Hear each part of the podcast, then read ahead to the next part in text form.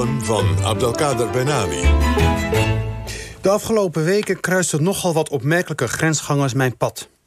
Mijn verhaal voor de maand van de geschiedenis over de Nederlandse kaapvader Jan Janszoon... die zich bekeerde tot de islam en stierf als Mourad Raïs in Marokko... bracht me in contact met andere historische paradijsvogels. Een van hen wil ik hier aandacht geven... omdat zijn aanwezigheid iets, ons, iets, ons iets vertelt over de plooibaarheid van de mens. Zijn Afrikaanse naam geeft de geschiedenis niet prijs. Maar wat de bronnen wel vertellen, is dat hij bij zijn overlijden in 1819 Johannes Pauli heette. Onder die naam werd hij op 18 april 1779 gedoopt in de Nederlands hervormde kerk te Tilburg. Ik moest twee keer achter mijn oren krabben toen ik op de website van Brabants Erfgoed over deze Pauli las. Een man van drie continenten die veranderingen doormaakte waar drie mensenlevens niet genoeg voor zijn. Hij werd geboren aan de beruchte slavenkust van Guinea, verkocht aan slavenhandelaren en naar Suriname gebracht.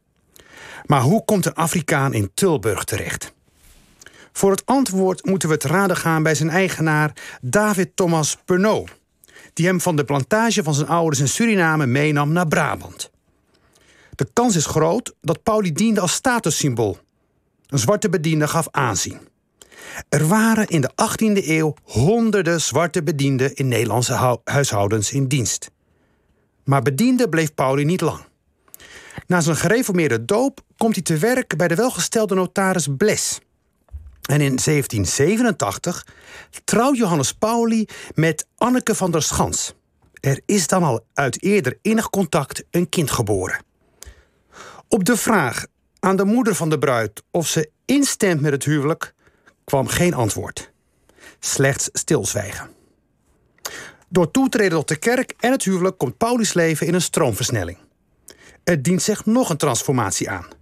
In Hilvarenbeek, waar hij inmiddels met zijn gezin is neergestreken, krijgt hij de baan van ondervorser. Dat is handhaver van de openbare orde en ook deurwaarder als het moet. Ik stel me de zwarte hand van Pauli voor die hard op de houten deur van een achtige, achterstallige betaler klopt. Zijn collega-ondervorser met wie hij optrekt is trouwens ook een vreemdeling. Een Duitser. De lokale bevolking heeft een schurfthekel aan die Duitser en die Moor. De hoeveelheid racisme die Pauli heeft moeten ervaren, ik kan me er geen voorstelling van maken. Als er vechtpartijen zijn, komt Pauli tussen beiden. Zo treffen we hem in 1808 bij de viering van de verjaardag van de koning op de vloer van een café aan, neergeslagen door een dronken gast. In 1830, 1813 tenslotte is hij opgeklommen tot gemeenteveldwachter. Een voorname functie die hij, zo verhalen de bronnen, met alle vlijt en nauwkeurigheid waarneemt. Johannes Pauli liet bij zijn overlijden geen bezittingen na. Wel zes kinderen, waarvan de nazaten nog altijd rondlopen in Nederland.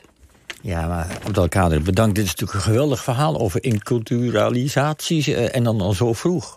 Maar dat, dat deurwaarde, was dat niet gewoon... want een onderforse is een soort deurwaarde, denk ik. Ja, onder, en uh, de, handhaver. Uh, ja. Was nou eindelijk gewoon een rotbaantje? Of was het... een rot, ja, precies. Want Hij werd, hij, hij, ja, de Duitse en de Mol kreeg heel wat te verduren, ja. Maar hij heeft stand gehouden. Juist. Ja. hey, dankjewel. Geweldig verhaal.